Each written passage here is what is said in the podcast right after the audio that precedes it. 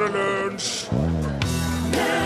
I dag er det nøyaktig seks år siden Etiopia feira overgangen til år 2000. De har nemlig sin egen kalender.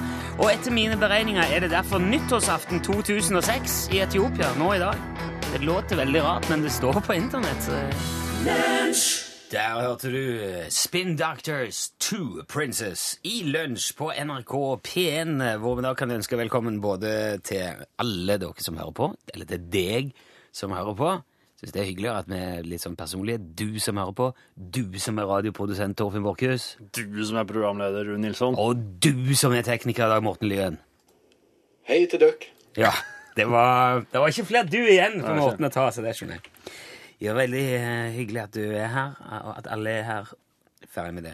Eleanor Roosevelt. Hun sa en gang at man bør gjøre én ting man er redd for hver dag. Hun var jo da gift med president Franklin D. Roosevelt, seksmenningen til president Theodore Roosevelt. Litt av en gjeng, det der Roosevelt, han. Samme det. Det der med å gjøre en ting man er redd for hver dag, er noe som mange er veldig glad i å slenge ut som dannevann. Det er en Jeg føler det er liksom litt sånn spesiell type mennesker som gjør det. det at eh, Hvis man er den typen som sier sånne ting, så mediterer man gjerne. Og eh, springer maraton og sykler Birken og Her mener du at de som mediterer, sykler Birken? Nei, Mener du det er sånne typen nei, folk? nei da, Nei, det tror jeg ikke er sånne Nei, det er kanskje ikke det. Men det var ikke sånn ment heller. Altså, men, men vi er kanskje mer åpne for uh, å like å ta sjanser og slenge seg ut i ting og bestille salsakurs Ja, der er jeg enig. uten å være eh, liksom musikalsk eller ha tenkt på det før. Du, men du driver ikke og henger ut noen? og- Nei, nei, nei, nei, nei, det er ikke det jeg sier i det hele tatt. jeg tenkte på det i dag, for at min datter har nettopp begynt i første klasse. Eh, og i, i dag så måtte hun gå alene fra bilen ned til skolen. Det er ikke noe, det er 40-50 meter. Men hun har ikke gjort det før. Hun syns det er greit at, det, at vi er med ned, da.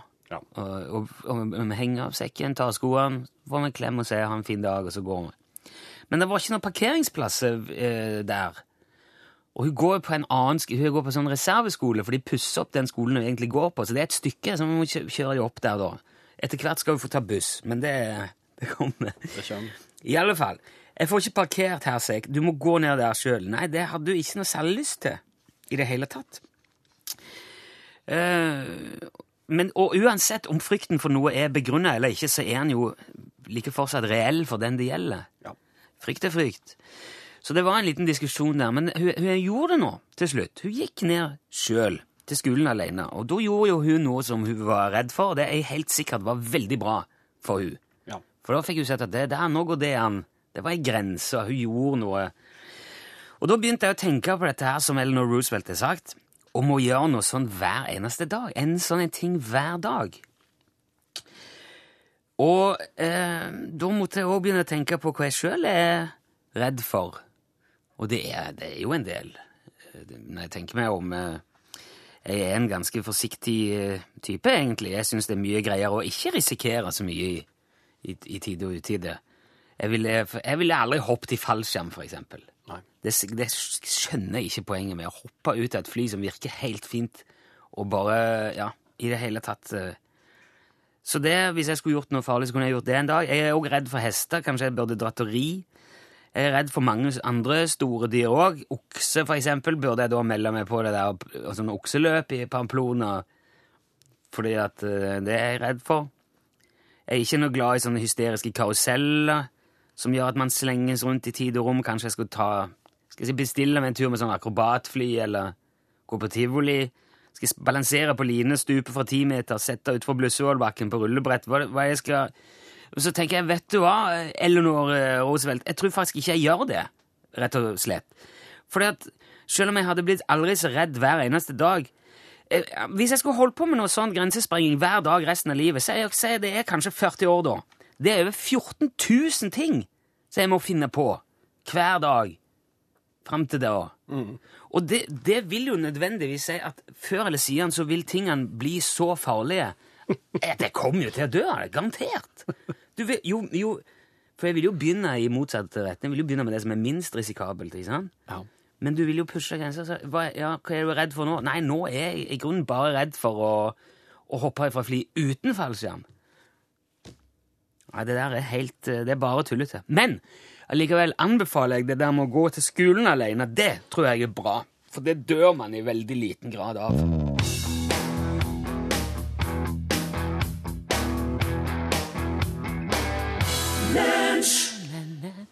Det var Geir Rønning, det. Bare, så du, bare du som Åh, hadde, det hadde vært så fint hvis jeg kunne sagt 'Bare så du vet'. Men låten heter Bare, som, Bare du som vet. heter låten av Geir Rønning. Dette ble ikke så veldig lekkert. Da er det bra at vi har torsdagsquiz på torsdagen. Det er jo eh, blitt en slik greie som Are Osen setter i gang i juni, som eh, i hvert fall eh, jeg ikke klarer å legge fra meg. Så skal vi fortsette med ting som Are trekker fram nå. Han som ikke er til å stole lenger enn du kan kaste han på. Nei, han er ikke Og han er ikke lett å kaste. meter og Altså, um, det er en internasjonal organisasjon, eh, Rune, som heter PETA. Ja. Det står for um, Det er som dyrevernsorganisasjon. Ja. Det er rett og slett eh, folk som er opptatt av at vi skal behandle dyr etter etiske retningslinjer. Mm. Ja. Og kanskje litt forbi òg, egentlig, tror jeg. De Eh, er vel de ivrigste av alle. Overetisk. De er overetiske, tror jeg nesten. ja. De har iallfall i mange år jobba med å forby det som egentlig var et spill, men som nå er blitt både TV-serie, leketøy og blader og bøker og hva vet jeg. Jaha. Og så lurer jeg på hva heter det her spillet? Det er dagens eh, quiz-spørsmål. Og det. Pe PETA har fått forbudt Nei, de har jobba i flere år med å forby det. De har ikke fått det til enda, eh, det spillet her. Men de har holdt på lenge. De har holdt på så lenge spillet har funnes omtrent, med å forby det.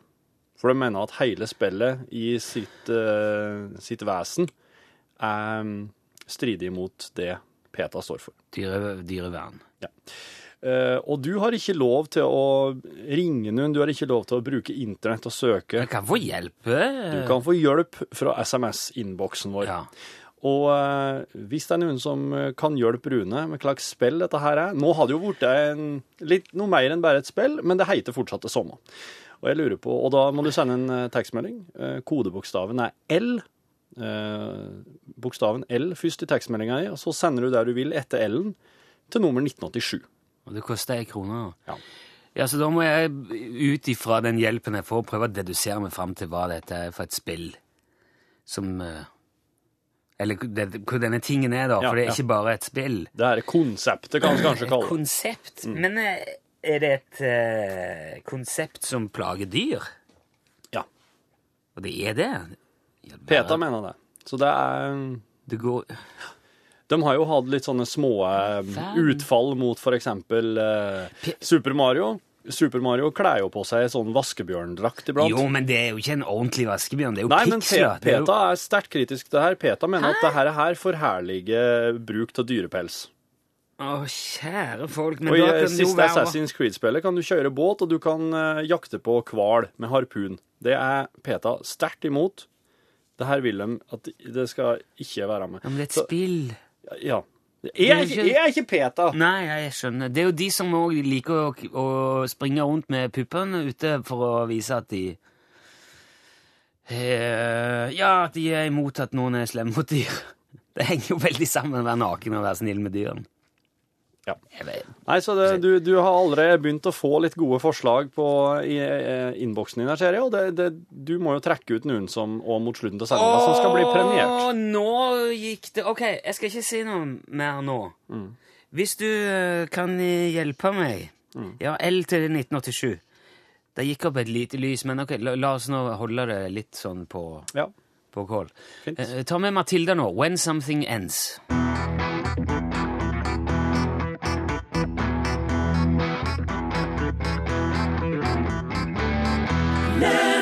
Du hørte Matilda Gressberg, kjent fra Norske Talenter, med sangen When Something Ends her i lunsj. Og nå er det glede for meg å spille akkurat dette her.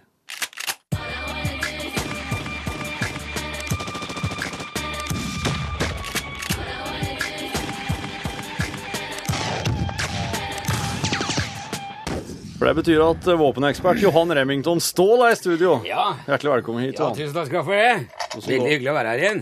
Hvordan går det? Har du truffet noen kjente siden sist? Ja, det, er- det, det er jo det er kanskje den mest klassiske vitsen vi har i, Ja, ja. i, i børsmiljøet. Ja, treffe nye venner. Ja. Ut og, ut og skyte sola. Du vet jo, jeg holdt på å melde meg opp til jegerprøven her om kvelden. jeg. Ja vel, har du det? Skal du ut og reise og ta jegerprøve? Ja, men det var sånn intensiv greie. Ti kvelder på 14 dager. Altså, det var veldig Så jeg, jeg fant ut at jeg, jeg hadde ikke tid akkurat nå. Ja, men det er ti kvelder på 14 dager. Ja, de gjorde Noen, har, noen tar jo 14 dager på ti kvelder. Så da er det jo enda mer intensivt. Men det er jo hvis du skal ha Altså, du skal ha laskelappen. Å ja, OK. Da Nei, den trenger ikke jeg. Nei, det gjør vi kanskje. Hva betyr det egentlig? Ja, det er hvis du skal Altså, det er jo Byggevåpen? ja, det er 442-skyting. OK. Ja, så det er ikke, det er ikke noe som Det er ikke noe mening man Det, tar, det er påbygning. Tar du sida. ok. Ja. Greit. Du, har, du demonstrerer nye våpen for oss. Ja. Hva du har med for noe i dag, Johan? Du, i dag har jeg tatt med en, eh, en Pilkington. Dette her er en eh, Casablanca PDF 128. Det er et klassisk frihåndsgevær. Ja. Her ser du det er fire geiteramser, og så er det neopren akselkam. Ser du det? Jeg ser. Det er pent. Det, er, ja. Det er 3,7 toms laskebolt her. Det er tråkle og oversøm i foringslaget, og så er det en helt nyutvikla impedanseregulerende eh, rekkehyllkonservator i karbon. det, er ikke, det har jeg ikke sett før. Det er veldig spennende. Pilkington altså det er jo en britisk familiebedrift.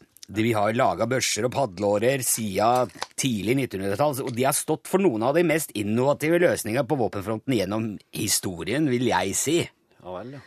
Uh, ja, de fant opp den bakenforliggende konsekvensutrederen. Det er jo standard nå i alle britiske militære våpen. Ja, er det det? Ja, bakenforliggende konsekvensutreder.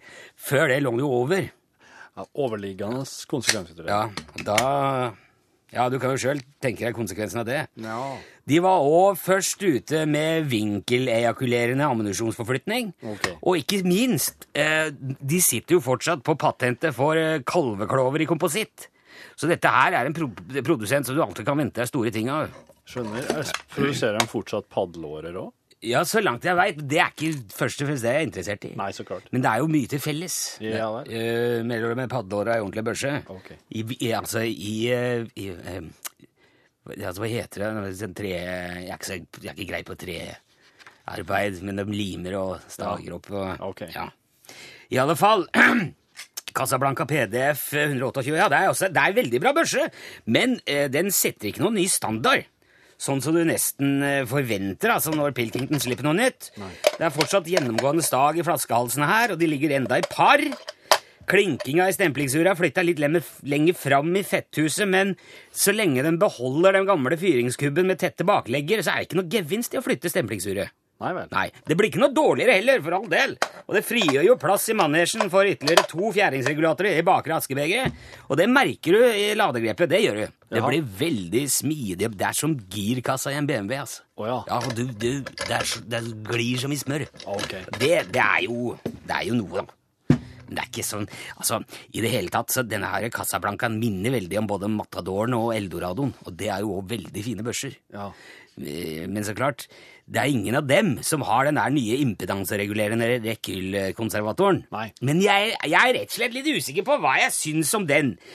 Eh, Den er ikke Jeg syns ikke rekkehyllkonservering nødvendigvis er en fordel. Det kommer an på bruken, men til vanlig 442 eller kampanjeskyting så er det blir for mye automatikk for min del. Det er, jeg, ja, jeg, så jeg liker at impedansen er det den er. At rekkhyllen er åpen, eh, at det er åpen forflytningsbane. Men nå er jo det, den er jo i karbon, som du ser. Så da gjør det jo Det er jo mye lettere å pense i skulderbanen når du skyper i friløpsserie. Og du får ikke det der knekket det der knekket i hanekneet som du kjenner når eh, rekkehyllkonservatoren er stål. Nei. Men hvis det hadde vært en trinnløs regulering på rekkehyll... Eh, ja, nei, ja, hvis det hadde vært trinnløs regulering det, det, på rekkehyllkonservatoren, så hadde jeg da kunne jeg anbefalt denne børsa til nesten alle. For da, da, kan du, da kan du begrense det om du vil. Til unger og Ja, nei, ja, ikke til det, For unger er jo bra. Men denne må, for nå må den stå enten i auto eller float. Og da Mulighetene er så få. Mens eh, for nybegynnere er jo det bra. Ja. For da er det jo eh, Nybegynnere og folk med korte underarmer det, de vil ha veldig stor glede av dette, dette våpenet her. Ja. For akseltrykket kommer aldri over 200 Barrington. Og det er jo betryggende for en som ikke har skutt så lenge. Nei. Men er en dreven jeger, så vil jeg si at da venter du like gjerne på mammuten som kommer i januar. Ja vel. Det tror jeg blir, det tror jeg blir ei helsikes børse. OK. Yeah. Da, da er altså Pilkington sin eh, Casablanca, Casablanca. PDF 128. anbef anbefalt, eh, men vent ta Ja, for, altså, Kanskje vent på mange. Anbefales til nybegynnere og folk med korte underarmer. Ja. Tusen takk, Johan. Eh, Her er eh, Tedeschi Trucks Band med sangen 'Part of Me'. Ja, den er ikke dum.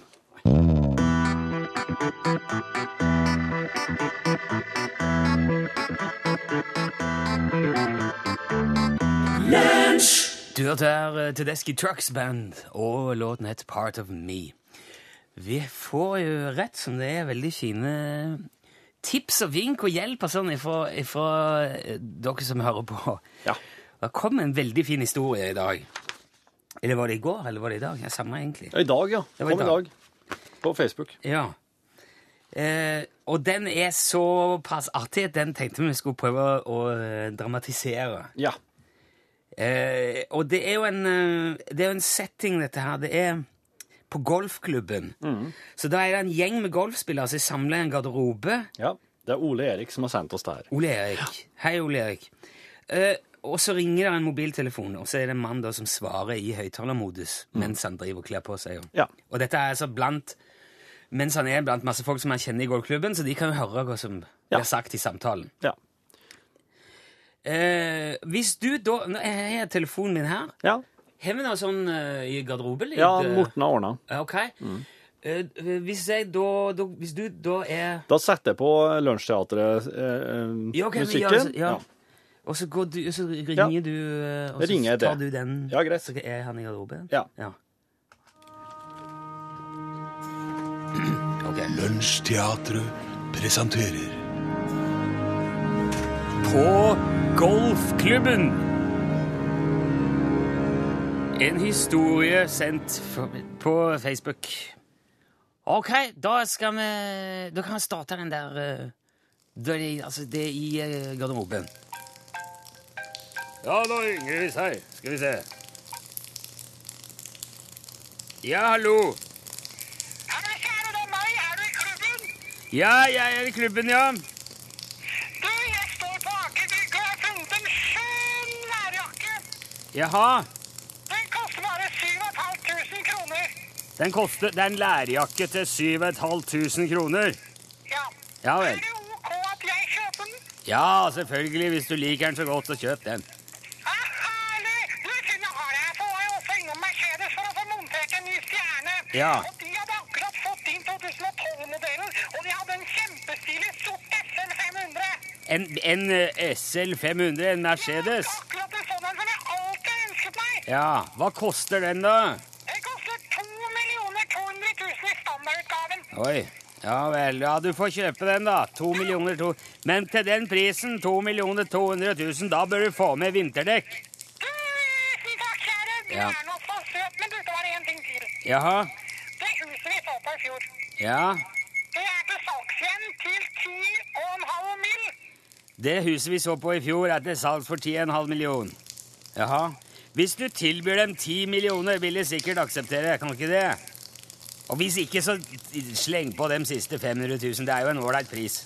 Ok, vi ses senere, jeg elsker deg. Ja, ha det bra. Jeg elsker deg òg. Ha, ha det bra. Eh, hvem er dette sin mobiltelefon, egentlig?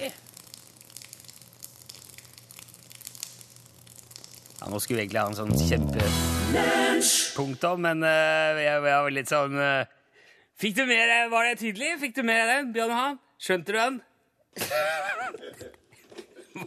Dårlig. Produsenten var ute av studio. Ja, men det var en veldig fin historie, syns vi. Det var lunsj. Spill sang, da! Slutt å sitte og prate!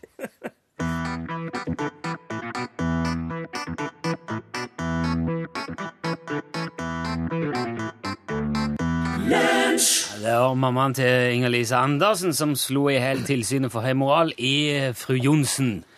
Uh, Inger-Lise Andersen. Senere i Rypdal. Stemmer. Ja. Vi har en quiz gående i dagens eh, program, fordi at det er torsdag, og Torfinn har funnet ut at det er Jeg insisterer på det. Ja. Det var Altså, oppgaven skulle, Vi skulle finne fram til Nå sier vi, for det gjelder meg og du som hører dette. Vi skulle finne fram til et spill eller et konsept eller noe greier som PETA er, prøver å få forby. Ja. Dyrevernorganisasjonen PETA. Ja. PETA. Uh, og det har kommet veldig mange forslag, og jeg må si at det er ikke, det er ikke noe som uh, konklusivt Eller noe som er så overbevisende at jeg tenker det må det være. Nei. Det er veldig mange forslag. Det er mange som foreslår Gnav. Det er jo det er et kortspill, sånn som jeg ser det. Og jeg har ikke sett noe annet liksom, type, som har gjort det til det man kan kalle et konsept, eller til noe større enn Gnav. Nei. Så det tror jeg ikke det er. Eh, Flere som foreslår, foreslår kubingo. Hva er det? Det er jo når man deler inn et jorde i et rutenett Ja. og slipper ei ku løs utpå der, og så setter man på en måte penger, eller man satser på Altså, du får jo De, de rutenett får, eh, blir nummerert, eller Ja. Så kanskje A1, 2, 3, B1, 2, 3, ikke sant? Ja. Og så skal du satse penger på det feltet du tror ku er drit i. Å ja, det er der også, Ja. Ja. Der, ja. Og så står man da rundt denne her ringen, eller denne feltet, og heier. Dagos, gå den veien! også. med en gang hun bæsjer, så er det noen som vinner ei fruktkorg eller et eller annet. Det tror jeg ikke heller, for det er jo òg Du hadde jo ikke hørt om det engang. Nei, og det synes syns jeg ikke høres ut som dyreplager. Det høres ut som kua har det helt vanlig. Ja. Pokémon er det flere som foreslår. Det er jo Det er jo, det er jo fantasidyr. Så jeg vet ikke, de jeg siterer de ikke helt der. Okseløp i Pamplona, ikke heller. Teenage Mutant Hero Turtle, sier Rune Pune der. Altså, tyrefekting, det eh, som Audhild foreslår, det skjønner jeg vel. Det er jeg helt sikker på at de er imot. De er veldig imot det. Ja.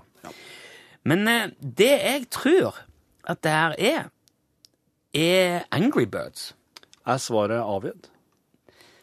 Ja, altså, det er jo både et spill, og det er, et, det er jo eh, spill for, i hagen, og det er T-skjorte, det, er- det er et stort konsept, og det er fugler, og det er griser, og de slenges rundt, så jeg tror ja, jeg tror det er Angry Birds. Nei, var det feil? Dessverre. Du har sagt det. Pokémon. Ja, Det er Pokémon. Er det Det er Pokémon?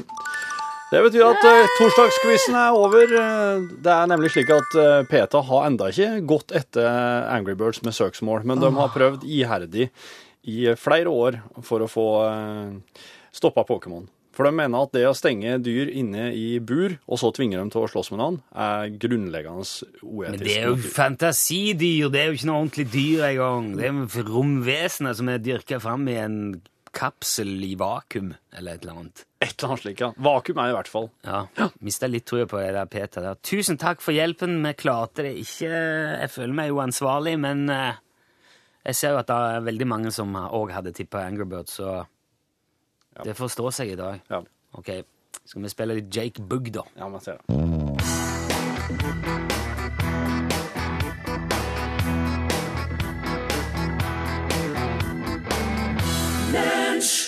Jake Bugg eh, med sangen 'Broken' her i lunsj.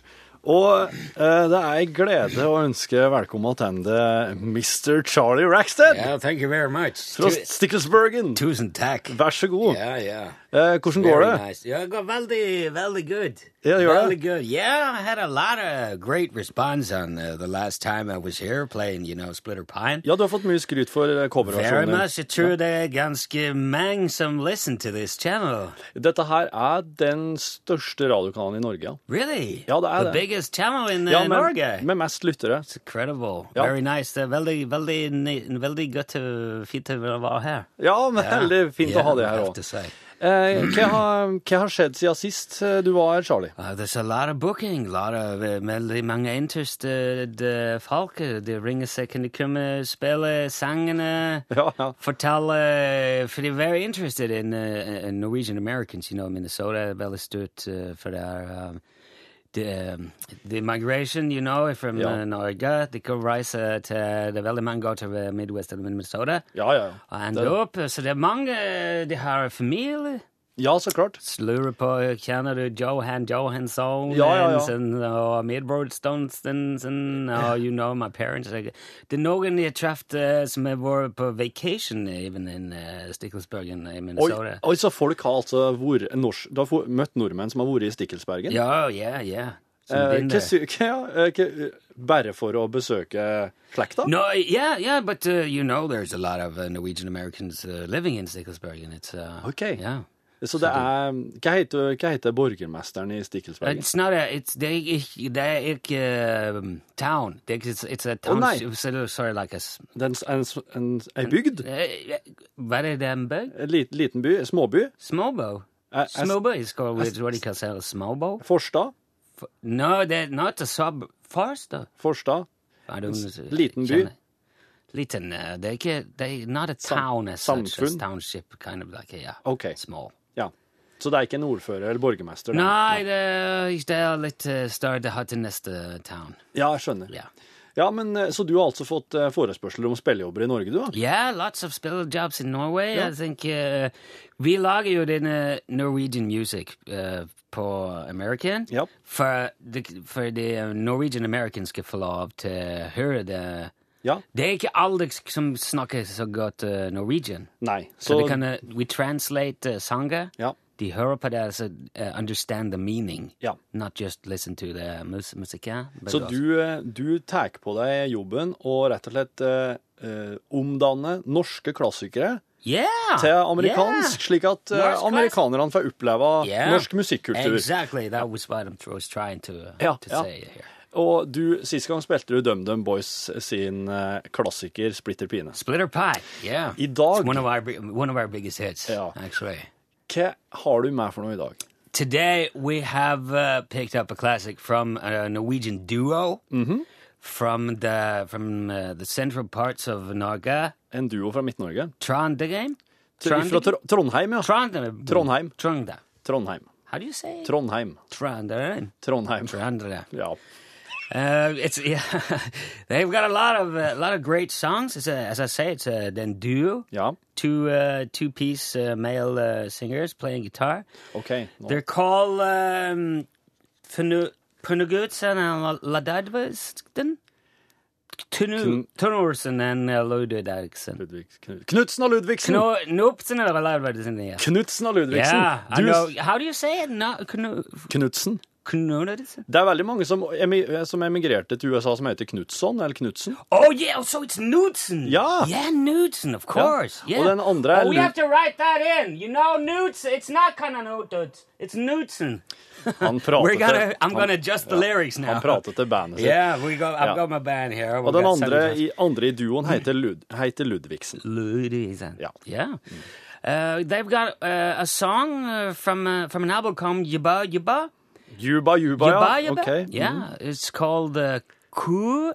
Tana. Ku i tunnelen. Yeah. Skal dere spille Ku i tunnelen? Uh, we, of course, have translated it to American, so it's Cow in the Tunnel. Ja, ok. Så uh, Mr. Clara for det Ja, Du, vær så god, bare yeah. gå bort, eh, Charlie. Ok, uh, alle kjære P1-lyttere. Det er glede for meg å eh, kunne, um, kunne eh, ha direkte live i studio Charlie Rackstead med yeah. Knutsen og Ludvigsen sin klassiker Ku i tunnelen. Yeah. Yeah. Hvis du nå vil høre Charlie Rackstead eh, spille Cow in the Tunnel, så må du gå i NRKs radiospiller på internett. nrk. Unnskyld. radio.nrk.no. Av nedlastingsrettigheter kan vi ikke legge den ut i podkasten.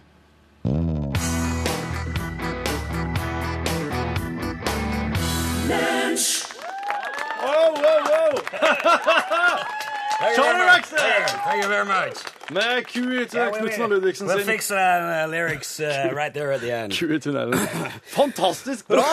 Thank you, thank you, very, uh, thank Du you very blir, much. du blir sveit. Ja, det er litt uh, mange uh, work to spille den. Um, Det er very, det er very um, it's, okay, it's fast. Ja, det går fort. Yeah, det gjør go det. it. Eh, går alle sangene dine fort? No, no, of course we have ballads as well, and Ja. uh, vi har noen som går uh, not so fort, uh, Ja. noen som går veldig fort. Uh, Veldig It's, a fort. vari- it's a variation in... Uh, Har du noen som går fortere enn det her òg, sånt? I'm not. I'm not quite sure. We, no, probably we might have. Okay. Kanskje, kanskje. Har du mange norske låter på repertoar? Det blir stadig flere vi går gjennom og lytter på norsk Norwegian music. Always looking out for those good songs. Ja. Som vil være fint å spille på um, for Americans. Det her er Ja, han hilsa jo på sist. og Yeah, det er Paul. Paul. Ja, Hi, Paul. det er Charlie, Paul. Yeah, Paul. Hi. Paul. How do you say Paul? Paul. Paul. Ja. Paul. Du kan si Ja. Paul. It's very easy in English. Yeah. Paul.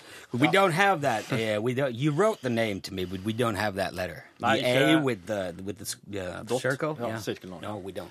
Pål, eh, norgesklasse, hva skjer i dag? Skal prate om helter i dag. Heroes. Yeah, heroes. Eh, Det er 100 år siden man etablerte Carnegie heltefond. Eh, Det er de som deler ut diplomer og medaljer til de som gjør en ekstra innsats eh, i eh, Altså det som, mer enn det som er krevd av dem. Carnegie, og det her er, det her norsk? Nei, altså I utgangspunktet så var det en skotte som grunnla det her. eh, Og da, Carnegie! Ja, Carnegie. Ja, ja, ja, ja. Men nå er det altså norsk eh, You know, det her er Carnegie. Carnegie is also a hall. Ja, Carnegie Hall. Yeah, Bra, I like, uh, yeah, I've uh, I've actually heard about people being there Okay. uh, in that hall. Ja. En medalje er for innsatsen der. Yeah, there's nothing to do with the hall. It's not the hall. No, this is, det this er is the, medalje. med the medallion. Det her er en medalje. How do you say medallion? Medalje. Medalje. Hvis du har gjort noe bra, så får du medalje. Yeah. Se for meg at det kan være et fint sted å dele ut en medalje i Carnegie Hall. Hva slags medalje hva, hva du må gjøre for å få en sånn? Ja? For eksempel hvis du er først et ulykkessted og gjør eh, mer enn det som blir krevd av det. Om du er den som hoppa ut og redda noen fra å drukne, Oi. så kan du være, eh, være slik at du er fortjent til en uh, diplom og medalje. Mye heder og ære der. Mer om det i Norgesklasse i dag. Nå er Tone Nordahl her, og hun har siste nytt. Ja, der sa han et sant ord. Da er det altså podkastbonus her i Lunsjuniverset. Ja, det er jo veldig hyggelig å kunne ønske velkommen til denne lille stunden som vi har for oss selv etter at dagens dont er over. Det har jo vært så hyggelig. Vi har jo møtt masse nye mennesker og fått oss en god latter både her og der. Og jeg må si at eh, alt tatt i betraktning, så har jeg vært med på meget mindre vellykkede ting enn dette i mitt liv. Og jeg eh, vil sove godt i natt, tror jeg. Jeg føler ikke at jeg har gjort skam verken på meg selv eller familien i dag. Og enhver dag som ender slik, er en god dag. Det har vært eh, private vesle hvileskjær, dette her nå. vi blir sittende borti sofakroken Ja. Teppene hengende på veggen og gitaren stående eh, henslengt opp mot teppene. Det er jo nesten gitarer i hvert et hjørne på dette kontoret her. Vi ser jo en bak oss, og vi ser en foran oss. Jeg for min del bruker å stå store deler av dagen. Ja. Men eh, når jeg er på sending, og når jeg er med til eh, ekstramateriale, da sitter jeg. ok, da gjør gjør med mitt eh, bidrag, det vet jeg ikke, men det, noe gjør jeg. Tror, tror ikke nødvendigvis det blir dårligere av den grunn. Det er vel kanskje litt mer avslappet og, og nedpå, som eh, ungdommen kanskje ville sagt. Vi har jo fortsatt dette gående på utsiden med denne gravemaskinen. Det er jo noe uheldig, kanskje, vil noen si. Usikker på hvor mye det slår inn på ø, lydopptaket. Men det er jo til en viss grad et forstyrrende element for oss. Det kan jo være for, til variasjon òg, for noen av dere som bruker å høre på podkastmateriale hver eneste dag, og kanskje til og med flere episoder i slengen, så vil dette her gravemaskinteppene i bakgrunnen være som en slags avveksling fra det vanlige. Vi kunne jo vurdere å lukke vinduet, bare for å fjerne det, det aller verste av gravemaskinstøyen. Eller så kan vi vel jo la det være. Hva sier du, har du lyst til å stenge igjen, eller skal jeg la det være? Jeg er litt usikker på hvor meget det har å si. Jeg syns jo at det er godt å få inn litt frisk luft, men samtidig så kan det være artig i en eh, halvtimes tid òg. Vi bruker jo ikke opplufte på en halvtime. Det kunne også være mulig å fremme argumentet om at dersom vinduet står oppe og denne maskinen står på utsiden og brenner sine fossile brennstoff, så vil det føre til mindre frisk luft i dette rommet. Fordi at eksosen vil finne veien inn hit. Da tror jeg jaggu jeg går og stenger det. Det kan vi Der gikk jammen lys også. Lyset i dette rommet er regulert av såkalte bevegelsessensorer. Tidligere har vi hatt et, eh, en diskusjon gående med vaktmesteren. Nå er Torfinn fremme ved vinduet nå. Lukket han det? Det var en veldig liten forskjell. Men, men. Nå kom også lyset på igjen. For denne bevegelsessensoren har vel da registrert at Torfinn har ruslet eh, gjennom rommet for å lukke dette vinduet. Jeg tror jammen jeg skal ta døren også. Jeg har blitt eh, mye bedre i lårhalsen fordi at eh, før, eh, når jeg reiste meg opp for å gå og gjøre noen ting, og eh, denne fotocella var tåskrudd, så registrerte hun ikke at jeg rørte på meg engang. Så jeg må si jeg har blitt mye bedre, for nå rører jeg meg slik at den faktisk registrerer at jeg går. Ja, dette har jo noe med hastighet på bevegelsen å gjøre, så langt jeg er bekjent. Ja, Før det gikk det jo veldig Vi har jo hørt snakk om dette tidligere, at tyver kunne komme seg inn i eh, bevegelsessensorovervåkede områder ved å bevege seg fryktelig, fryktelig sakte. For disse sensorene tar jo en serie bilder innenfor en gitt tidsramme, og dersom man ikke lager De skal jo altså ha en sikkerhetsmargin. I tilfelle nei, det, det kommer et vindkast, en blomsterkvast beveger litt på seg, eller et gardin, så skal ikke det være nok til at alarmen går av. Så hvis man beveger seg som en blomst eller etter et gardin gjennom et rom, så vil man kunne lure disse sensorene til å la være å starte alarmer. Du kan tenke deg at de har rykka ut eh, mye på falsk alarm bare fordi det var en eh, blomst som felte et kronblad, kanskje. Ikke sant? Det er meget spennende problematikk knyttet til bruk av teknologi som man må ta høyde for, og regne med, kompensere for i daglig bruk og i produksjonen av disse varene, før de sendes ut på markedet og skal gjøre en jobb i en sammenheng. For jeg gjør de en jobb som ikke er tilfredsstillende, så vil det også komme krav om erstatning, og kanskje produktet blir levert tilbake, og man får en serie av misfornøyde kunder som sier at nei, dette vil jeg ikke ha, gjorde ikke jobben godt nok, jeg vil ha pengene tilbake. Hvis det da i tillegg har kanskje kommet en skade på produktet, eller har blitt brukt noe, kan kanskje ikke selges igjen til sin fulle pris, da er man i en tapssituasjon. Kanskje hvis i tillegg forsvant noen verdigjenstander, noen uerstattelige alle religiøse eller arkeologiske artefakter som eh, bevegelsessensorene var der til hensikt å beskytte, så kan det fort bli umåtelige summer det er snakk om. Det blir jo kostnaden dobbel på et vis. Det blir det. Ja. For et uh, sikringsfirma som egentlig bare hadde tenkt å bruke teknologien til å ha ei god inntjening i budsjettåret. Da er vi jo litt inne på vel det som var kjernevirksomheten din før du ble pensjonist. Det er ikke det som var kvalitetssikring og produktgjennomgangsevaluering? Var det det at det gikk gjennom Altså hadde gjennomgang av evalueringer for produktsikkerhet?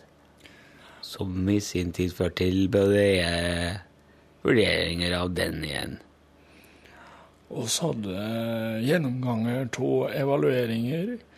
oss eh, eh, samla gjennomgangene i en pamflett. Ja.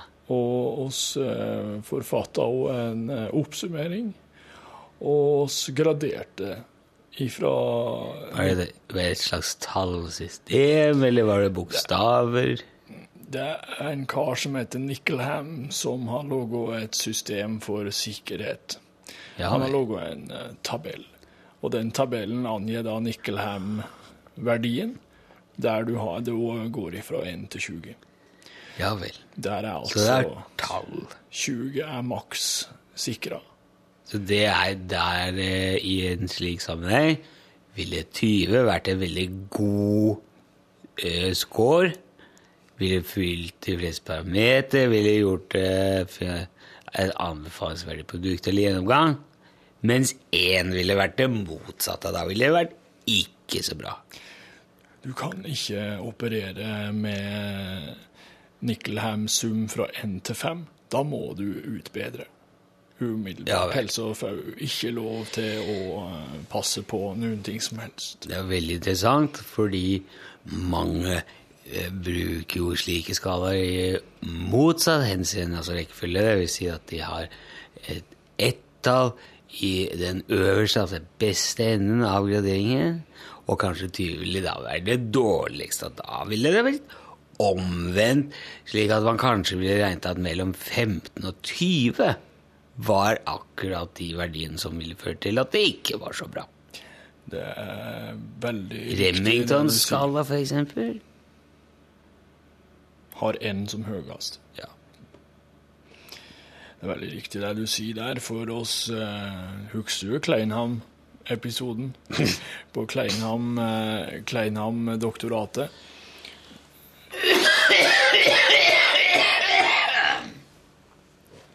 Skal du ha en slik en? Oh. Jeg skal drikke opp kaffen. Da tar jeg en slik. Takk. Kleinham-doktoratet. Å, nå ser jeg stjerner. Det må være Vent litt, så gir det seg. Jeg hører fortsatt godt. Det er bare å fortelle. Kleinheim-doktoratet var ei, eh, ei stilling som eh, til hver tid var ved Bridgeham, universitetet i, i Hampton. Er Bridgeham i Hampton, ja. Ja. Jeg var, jeg det finnes jo også en i Wales. Men det er vel eh, Bridgeham Tower, hvis jeg ikke husker helt feil. Men det er ofte folk ikke nevner at det er Bridgham Tower, at de bare sier Bridgham. Da kan man bli usikker på om det er Wales eller Cramsington. Eller bare Og Kleinheim-doktoratet er stilling som eh, til hver tid er besett av en, eh, en høyt skolert eh, arkeolog. Nå vel. Eh, arkeologene i Kleinheim-doktoratet får veldig ettertrakta utgravinger, prosjekter. Arkeologiske arkeologiske utgravinger. Lederutgravinger. Ved, I Kleinheim-doktoratet i 1971 så satt Andrew Farnham. Andrew Farnham, sønn til Lester Dømtling Farnheim. Oppfinneren av karabinen. karabiner. ja.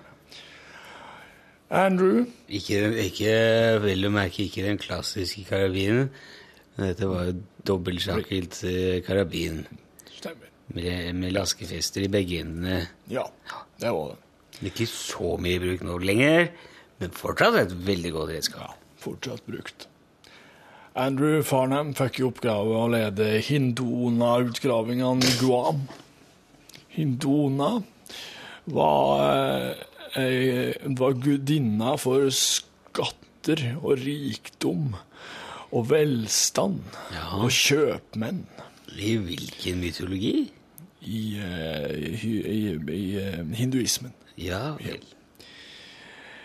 Og Ville jo denne nødvendigvis hatt ganske dårlige kår innenfor hinduismen, siden det der ofte kanskje er snakk om vi ikke eier så veldig mye, men Det kan du nok tro, men saken er den at alle gode hinduister måtte før i tida gi alt de eide åt hindua. Hindua. Så hindua-tempelet i Guam var enormt. Det var fylt med så alle, all den rikdom som en, hver eneste hindu på noe tidspunkt har vært i besittelse av. Du kan tenke deg sjøl. Det er jo forferdelig mange. enormt mye. Oss veit ikke i dag hvor mye det kunne ha beløpt seg til, men det må ha vært enorme summer. Vi vet det kanskje ikke i dag, men har vi noen gang visst det tidligere? Ikke oss. Nei vel. De som skjøtta hindua skatten hadde Det- kanskje en viss idé. Så skatten ble altså skutt? Nei, den ble skjøttet. Den ble, den ble passa på. Ja vel, da Så går jeg ut fra at det, er noe du, det betyr det samme på din dialekt, at det er skutt og passet på. At det er noe av det samme? Det er jo Ikke så langt ifra annet. Det har ført til mange stygge misforståelser Ja, og kan små meg. Det er jo vrient innimellom, selv om jeg har den største respekt for dine lingvistiske utskeielser, så er det jo selvfølgelig ikke til å stikke under noe som helst at det til tider kan by på utfordringer. Vel, Vel, vel. Farnham. Og det var mer, ja. Andrew Farnham.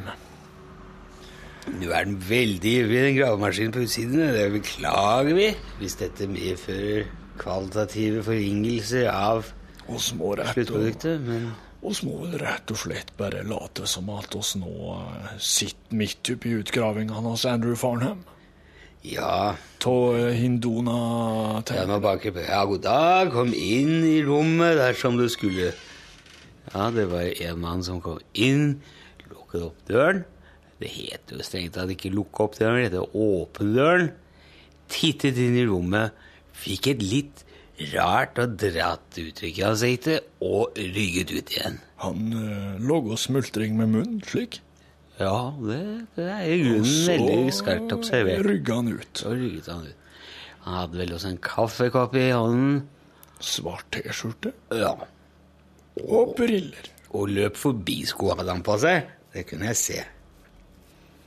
Vel, Andrew Farnham Sett i gang og graver ut Hindona-tempelet i Guam. Og han brukte hvilken skala til å klassifisere sikkerhetskvotenten? Det må ha vært Var det Remington? Nei. Var det en trakk fram i sted som de ikke husker navnet på lenger. Ja, det stemmer. Akkurat. Nei, sånn er det. Slik er det. N. Til én, ja. Og det var jo veldig dårlig. Det var elendig. En, enlendig, Det var faktisk. Enlendig var det. Ja. Og dette her tok da sikkerhetsevaluererne som en ekstremt god score. Altså var Hindona-utgravingene beskytta av det beste som noensinne har vært sett av sikringsutstyr på den tida, i 1971. ja, det var ikke så fryktelig lenge siden, men Dette her førte til at over natta høsten 71 forsvant alt. Hele utgravingsfeltet. Ja vel. Det forsvant. Og det eneste Andrew og resten av utgravingsekspedisjonen hans fant om morgenen når de kom, var trillebårspor. Ja vel. Sida har ingen hørt noe som helst, eller sett noe som helst på illegale auksjoner om Hindona-skatten. Og vi antar at den er tapt for alltid. At den er i hendene på noen som bare liker å sitte om kveldene og ta på seg sjøl og skratte og tenke på hvor stor en skatt de har. Er det noen mulighet for at denne skatten kan ha falt ned i et hull? At den har blitt forlagt et sted? Det er jo mange steder som man ikke husker på eller vet om. Som kan kanskje være gjemt under noe torv eller en knaus eller en bergnabb som det kan være vrient å finne hvis ikke lyset faller spesielt gunstig, eller at det kan være noen som har satt noe foran en bil eller en hytte. At man da i tidens løp kanskje kan ha glemt eller forlagt noe, skrevet og notert på en lapp, og glemt hvor den har havnet. Så at det kan rett og slett ha kommet bort.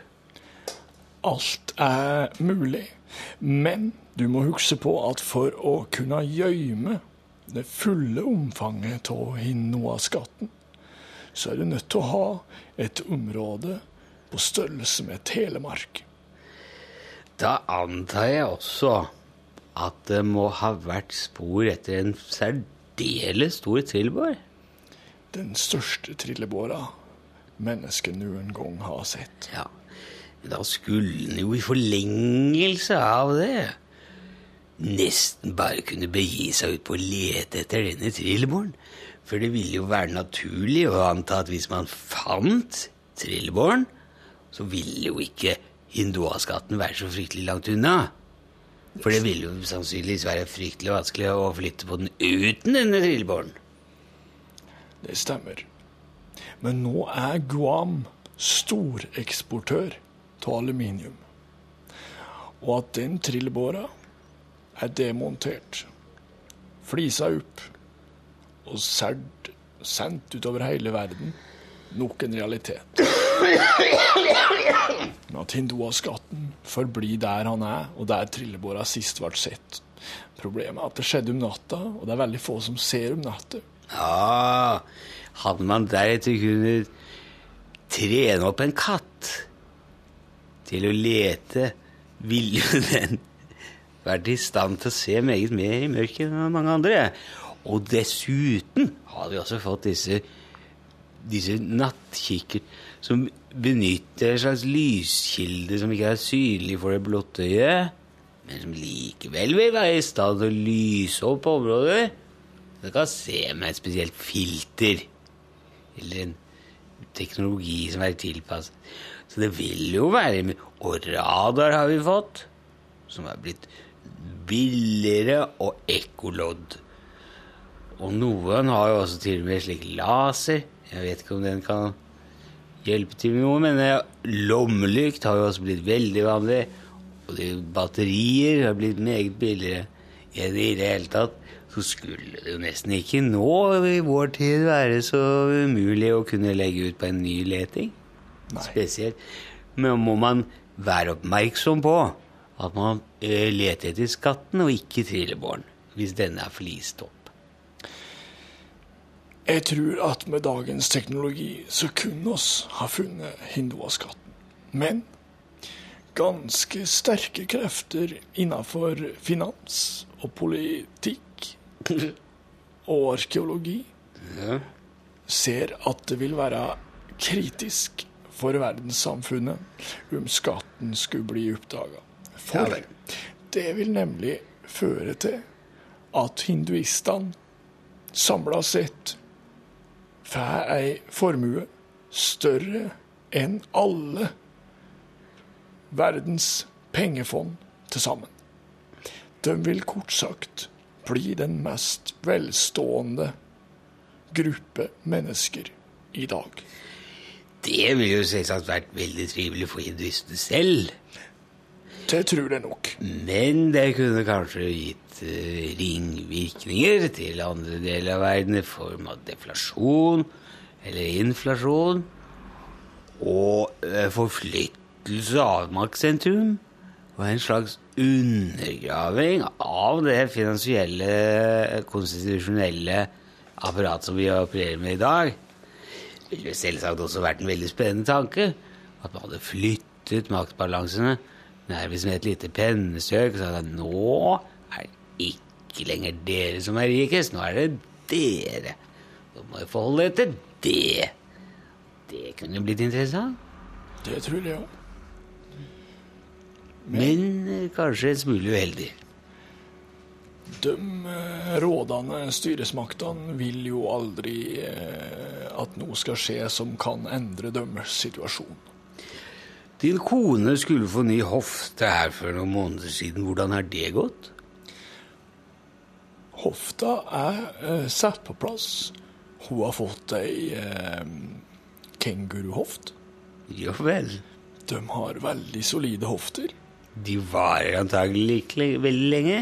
Det gjør de. De, er, de tåler jo ekstreme påkjenninger. Så hun har nå fått ei kenguruhoft fra Plysham i Australia. Eh, de kan levere både wallaby-hofter, kenguruhofter og koalahofter. Koalahofter er jo til unger, da. Ja vel. Så hun, hun, hun fløy ned til Melbourne Med, med fly? med fly Ja. på økonomi. Det var fornuftig, for det er sikkert ikke kostnadsfritt i utgangspunktet, dette. Hun kunne betale en egenandel og kjøre på business, men hun ville ikke det, for hun fikk dekket turen for å få ny hoft. Nå vel. Så hun har fått sett på kenguruhoft, og hun er nå på, eh, på Wellington, på en sånn eh, Det må vel trenes Opptrenings- Ja, jeg skulle til å si det må vel trenes opp i å bruke disse hoftene. Det er en fare for at den vil være meget mer spretten enn hoftene er vant til. Jeg vil jo tenke meg at man fort kunne hoppe gjennom både vinduer og dører hvis man ikke er forsiktig. Det har vært veldig mye uheldige ettervirkninger og eksempler på folk med kenguruhoft som har uh, skada seg pga. Ja, av de enorme kreftene de blir sittende på i ettertid. Gjøres det noe med muskelgruppene i hoftepartiet samtidig, altså for å tilpasse den nye hoften, og kanskje sette det mer i Jeg tenker på hvis man bytter motor på en bil, det vil jo også være ganske naturlig å bytte bremsene. Er det noe utover selve hoften som er byttet, eller justert, eller kalibrert, om du vil, på andre måter for å kompensere for kraftoverskuddet? De, eh, de nyopererte får på seg noe som ser ut som ekstremt kraftige sykkelbukser. Ja De er laget av en helt spesiell type gummi. Og denne gummien er med på å begrense kroppens potensial. Og så det er altså rett og slett en slags Hem, hemmende funksjon? hemmende bukser. Nå. Er dette noe hun må gå med resten av livet, disse buksene, eller er det Nei, de, det er gradering. De eh, begynner med veldig hemmende, så blir det mindre hemmende, og så blir det veldig lite hemmende. Og så kan du til slutt ha vanlige underbukser eller strømpebukser eller stillongs. Men det vil antagelig kreve en ganske stor grad av disiplin og, og, og innøvelse for å kunne mestre en kenguruhofte. Altså betjene den i det daglige, gå opp og ned i trapper og inn på bussen, kanskje. I butikken. Det er òg eksempler på folk som har sparka i hjel ektefellene sine natta i søvne. Eh, og eh, at bare lite grann eh, eh, Litt sånn uheldig eh, sparking under middagsbordet har ført til knekte legger på folk som har bordplassering rett overfor på andre sida. Det er enorm kraft, og det, det, det er akkurat når du ikke er det bevisst at du kan være som mest uheldig. Ja, faktisk.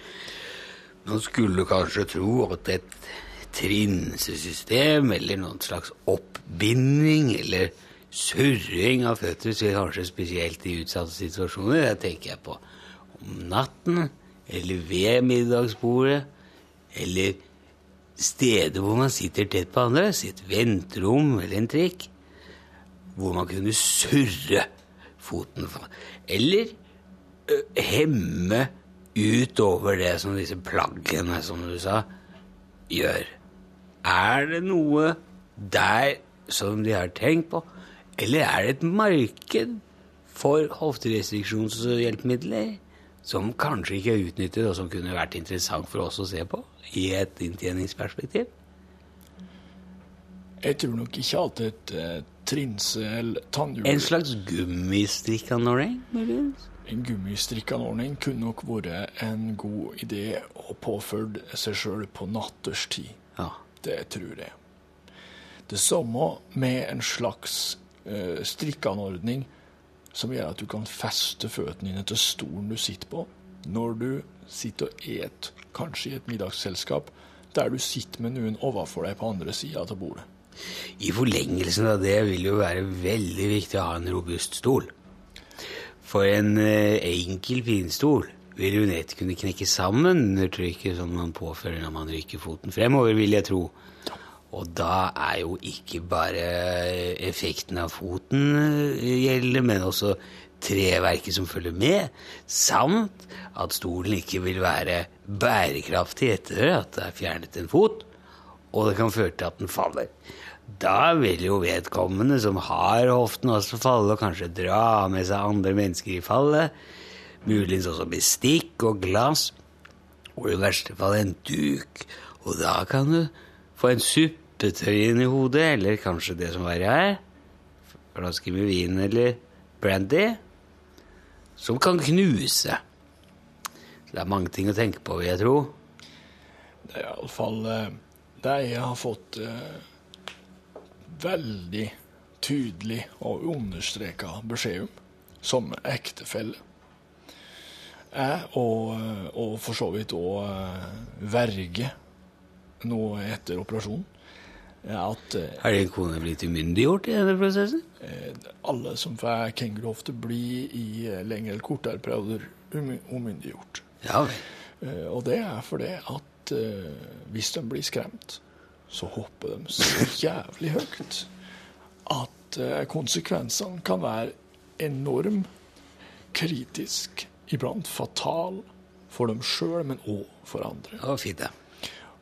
Og derfor så må jeg passe på at hun ikke blir skremt nå den tida etter hun hun kommer hit igjen. Så når de på, eh, på Wednesday-klinikken i Wellington har leverer henne fra seg, så vil hun kunne være i stand til å hoppe seks, sju, kanskje til og med åtte meter opp i været. Ja vel. Hvis hun blir skremt. Dette må jo kreve en voldsom selvdisiplin også av deg. For jeg vil jo tro det er mange som vil være svært nysgjerrige på hvordan dette utarter seg. Kanskje til og med provosere frem. Eh, Sjokkerende opplevelse bare for å se et slikt hopp, for det ville jo unektelig vært ganske spektakulært å se en kvinne på over 70 år hoppe 6-7, kanskje 8 meter opp i luften. Problemet er landinga. Det var det eh, som var på en måte min neste konklusjon, det er slutningen av det utsagnet, fordi at jeg regner med at kenguruhoften vil være ut... Det vil være viktig for henne å lande på samme fot som hun satset med. For jeg tror ikke kanskje det andre benet vil være i stand til å ta ifra. Det kan jo være snakk om osteoporose, eller lupus i bildet. Hun er jo en til års gammel kvinne. Har hun drukket mye melk? Nei, det har hun ikke. Hun har øh... Fluor? Ikke tatt fluortabletter eh, siden hun var Nei, hun har vel aldri tatt fluortabletter. Nei vel. Nå har heller ikke drukket noe mye mjølk. Av den uh, skjære grunn at hun får så mye slim. Ja. Så hun har alltid drukket enten juice, eller bare vann, eller en kopp te. Denne juicen inneholder jo meget syre, som i tillegg til å ødelegge tennene også kan ha en negativ innvirkning på benskjørhetskonstruksjons- og inflasjeringskomponenter. Derfor vil det være kanskje bidra i negativ retning. Det er jeg redd for òg. Er det sitrusjuicer, eller er det slike eple- og frukt? Frukt, ja. Fruktjuicer. Ja vel. Fersken. Ananas. Plomme. Plommejuice. Plom, plommejuice? Hun er, hun er veldig glad til plommejuice fra eh, Johannesensen i, Hardang, i Hardanger. Ja. Johannesensen. Johannessens. Johannessens plommejuice. Johannessens Hardanger-plommejuice. Vel, vet du hva? Dette har vært en meget hyggelig samtale. Jeg har jo lært litt. Jeg har også blitt utfordret på en del ting. Og det er jo alltid hyggelig. Selv i min alder kan det være nyttig å bli utfordret på et par ting. Jeg syns kanskje ikke det er så hyggelig alltid, men eh, det kan være meget lærerikt. Og nyttig. Men nå er det på tide for meg å ta mine acetylregulerende piller. Og det må jeg gjøre i kontrollerte omgivelser, så jeg må gå på toalettet. Og jeg må ha lyset på. Så derfor tror jeg vi skal si takk for nå, og kanskje vi kan samles her ved en senere annen anledning. Kanskje ta opp litt annen form for problemstillinger. Hyggelige historier. Artige anekdoter fra et langt liv i vitenskapens tjeneste. Det kan vi godt gjøre. Da skal jeg ta min hatt og stokk Ja. og uh, spasere ned til Hegdehaugsroa park. Når eh, er din kone ventet hjem? I over i morgen. Å, så det er såpass nært forestående? Det er siste dag Australia-tid nå snart. Ja vel. Og Nei. da har hun over et døgn før, før flyet går. Jo, men da skal hun vel strengt tatt passere datogrensen, så det vil vel si at hun kommer fram før hun har dratt. Så for alt du vet, kan hun sitte hjemme og vente på dem allerede. Det er bare én måte å finne ut på. Jaha. Jeg må hjem og se. Da sier vi det slik, og sier takk for praten. Takk for praten. Farvel. På gjensyn.